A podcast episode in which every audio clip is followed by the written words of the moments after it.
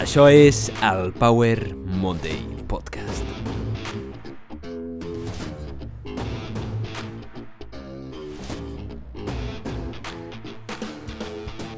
Benvinguts al Power Monday Podcast, sóc en Pau, el teu apassionat de fitness, motivació i ciència. I avui és dilluns i això és sinònim de Power Monday. Així que aquesta setmana et porto la frase de Samuel Johnson, un filòsof americà molt important. I per l'altra banda, avui parlarem d'un aliment oblidat. Un aliment d'aquells que no es consumeix avui en dia, que pot tenir unes propietats increïbles i que et sorprendrà el seu preu. És gratis. Those who do not learn history are doomed to repeat it. Those who do not learn history are doomed to repeat it. No sé si he pronunciat bé això, però Samuel Johnson va pronunciar aquesta frase que ve a dir això. Aquells que no aprenen de la història estan maleïts, estan condemnats, estan destinats a repetir-la. Aquells que no aprenem dels errors de la història estem destinats a repetir-los, de Samuel Johnson.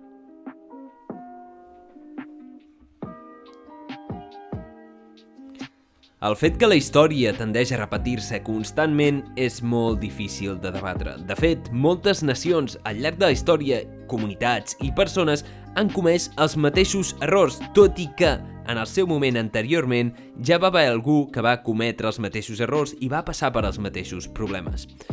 D'alguna manera, la humanitat va repetint els mateixos errors una vegada rere l'altra. Els events de Síria són un exemple més recent, la guerra de Vietnam també va ser un exemple de com es van cometre els mateixos errors que en les altres guerres i en altres situacions que s'han anat reproduint des de temps immemoriables. De fet, sempre m'ha resultat curiós que els filòsofs grecs fa milers d'anys i probablement d'altres filòsofs abans que ells ja discutien les mateixes qüestions que discutim avui en dia.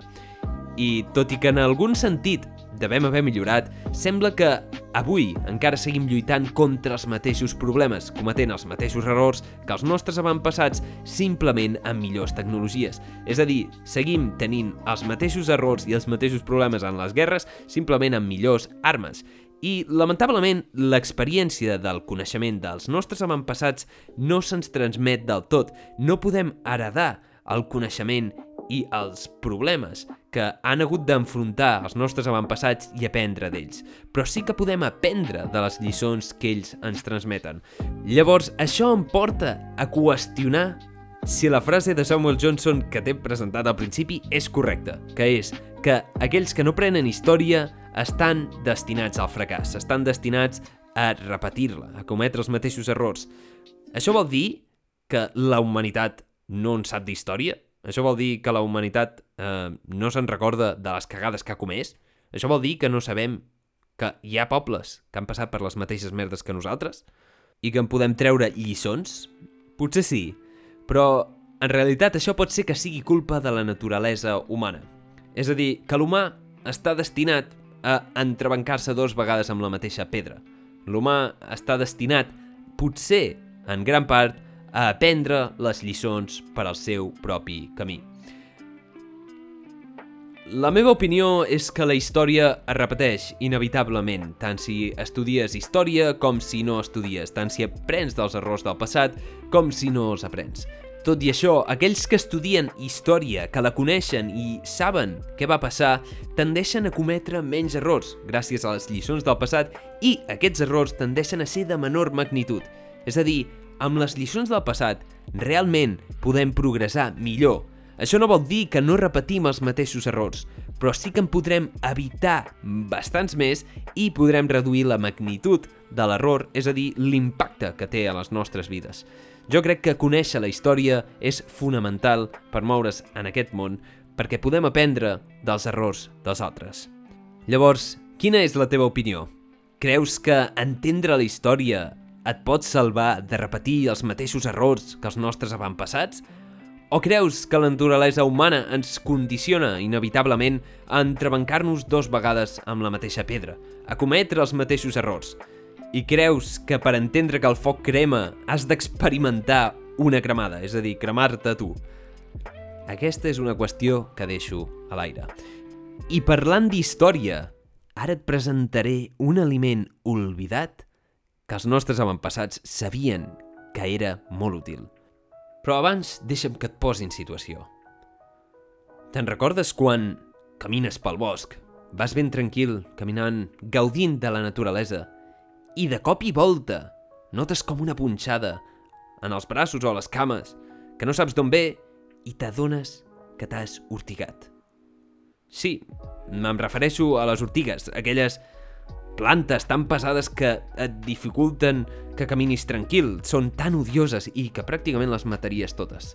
Doncs bé, les ortigues, urtica dioica, són comestibles i a més poden presentar diferents beneficis per la salut i tranquil, no t'ortigaran la boca, ja que els pèls que tenen les ortigues que t'injecten acetilcolina, histamina, serotonina i àcid fòrmic es degraden amb la temperatura i són 100% comestibles.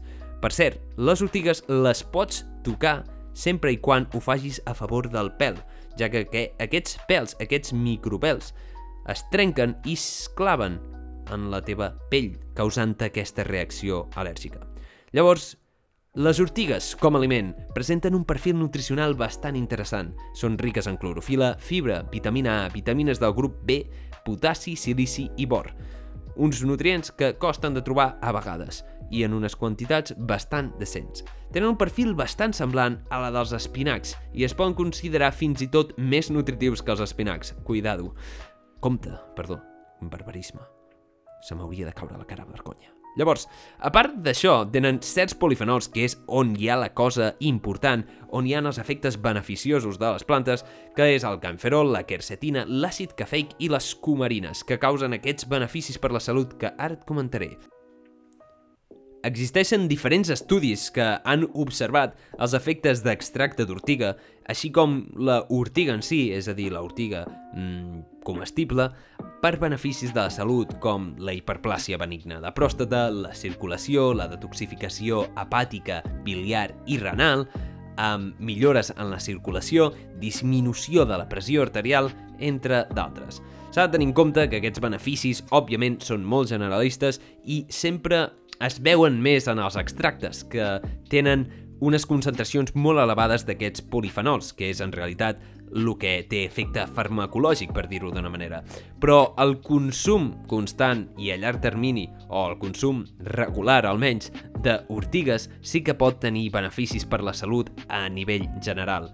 Està clar que et pot beneficiar sobretot, que és el que té més estudis, per l'al·lèrgia primaveral i per la hiperplàsia de pròstata.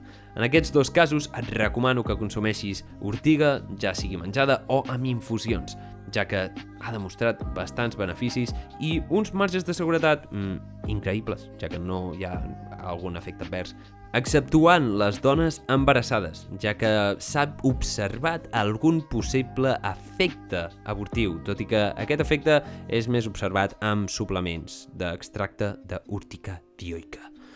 Llavors, com cuinar? Com cuines això? Primer de tot, l'hem de collir, l'hem d'anar a buscar, l'hem d'anar a recollir.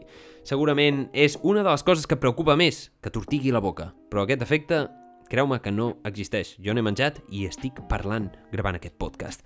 Perquè l'efecte urticant, com et deia, es produeix pels pèls. I aquests pèls són degradats quan els cuines. Primer de tot, per anar a buscar ortigues, et recomano que agafis guants i unes tisores i una galleda o una bossa per guardar les ortigues. Agafes les fulles, tota la part de la planta és comestible, tot i que la part més apreciada a nivell gastronòmic és la fulla més saludable. La millor època per collir ortigues és la primavera perquè estaran en el seu punt més tendre i amb una major abundància de clorofila.